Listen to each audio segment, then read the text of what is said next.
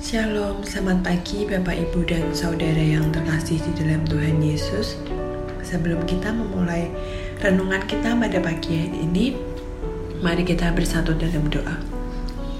Tuhan Yesus terima kasih untuk kasih setiamu di dalam setiap kehidupan kami. Kami bersyukur Jikalau pada pagi hari ini Engkau boleh memberikan hari yang baru bagi kami, Engkau boleh memberikan kesehatan dan juga kekuatan yang baru yang dari Tuhan. Saat ini kami akan kembali merenungkan firman-Mu. Ajarlah kami untuk kami boleh mengerti akan firman-Mu dan kami boleh menjadi pelaku firman-Mu. Kami mau menyerahkan seluruh aktivitas kami sepanjang hari ini. Pimpinlah kami agar kami dapat melakukan apa yang sesuai dengan kehendak Tuhan. Terima kasih Tuhan Yesus. Di dalam nama Tuhan Yesus kami siap berdoa dan mengucap syukur. Amin. Renungan Suling 30 April 2022 dengan judul Ujian Kesetiaan. Bacaan Alkitab terambil dari Mazmur pasal 27. Janganlah menyembunyikan wajahmu kepadaku, janganlah menolak hambamu ini dengan murka. Engkaulah pertolonganku, janganlah membuang aku dan janganlah meninggalkan aku ya Allah penyelamatku. Mazmur 27 ayat 9 Sungguh sangat tidak mudah menjalani kehidupan di mana segala sesuatu yang kita lihat hanyalah hamparan gurun pasir yang sangat luas dan tak berujung.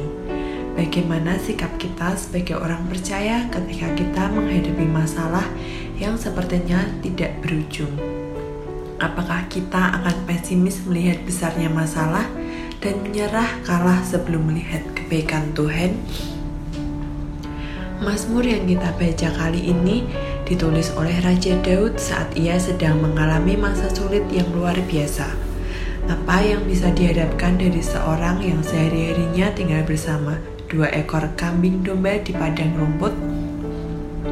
Tetapi Daud belajar memahami maksud Tuhan di balik ketidakpastian itu. Daud belajar untuk sabar, setia dengan panggilannya, dan percaya bahwa suatu saat Tuhan akan mengangkatnya. Daud belajar percaya bahwa Tuhan akan mewujudkan impian-impiannya dalam waktu yang tepat. Di tengah himpitan masalah yang dihadapinya, Daud berkata, Tuhan ada terangku dan keselamatanku. Kepada siapakah aku harus takut?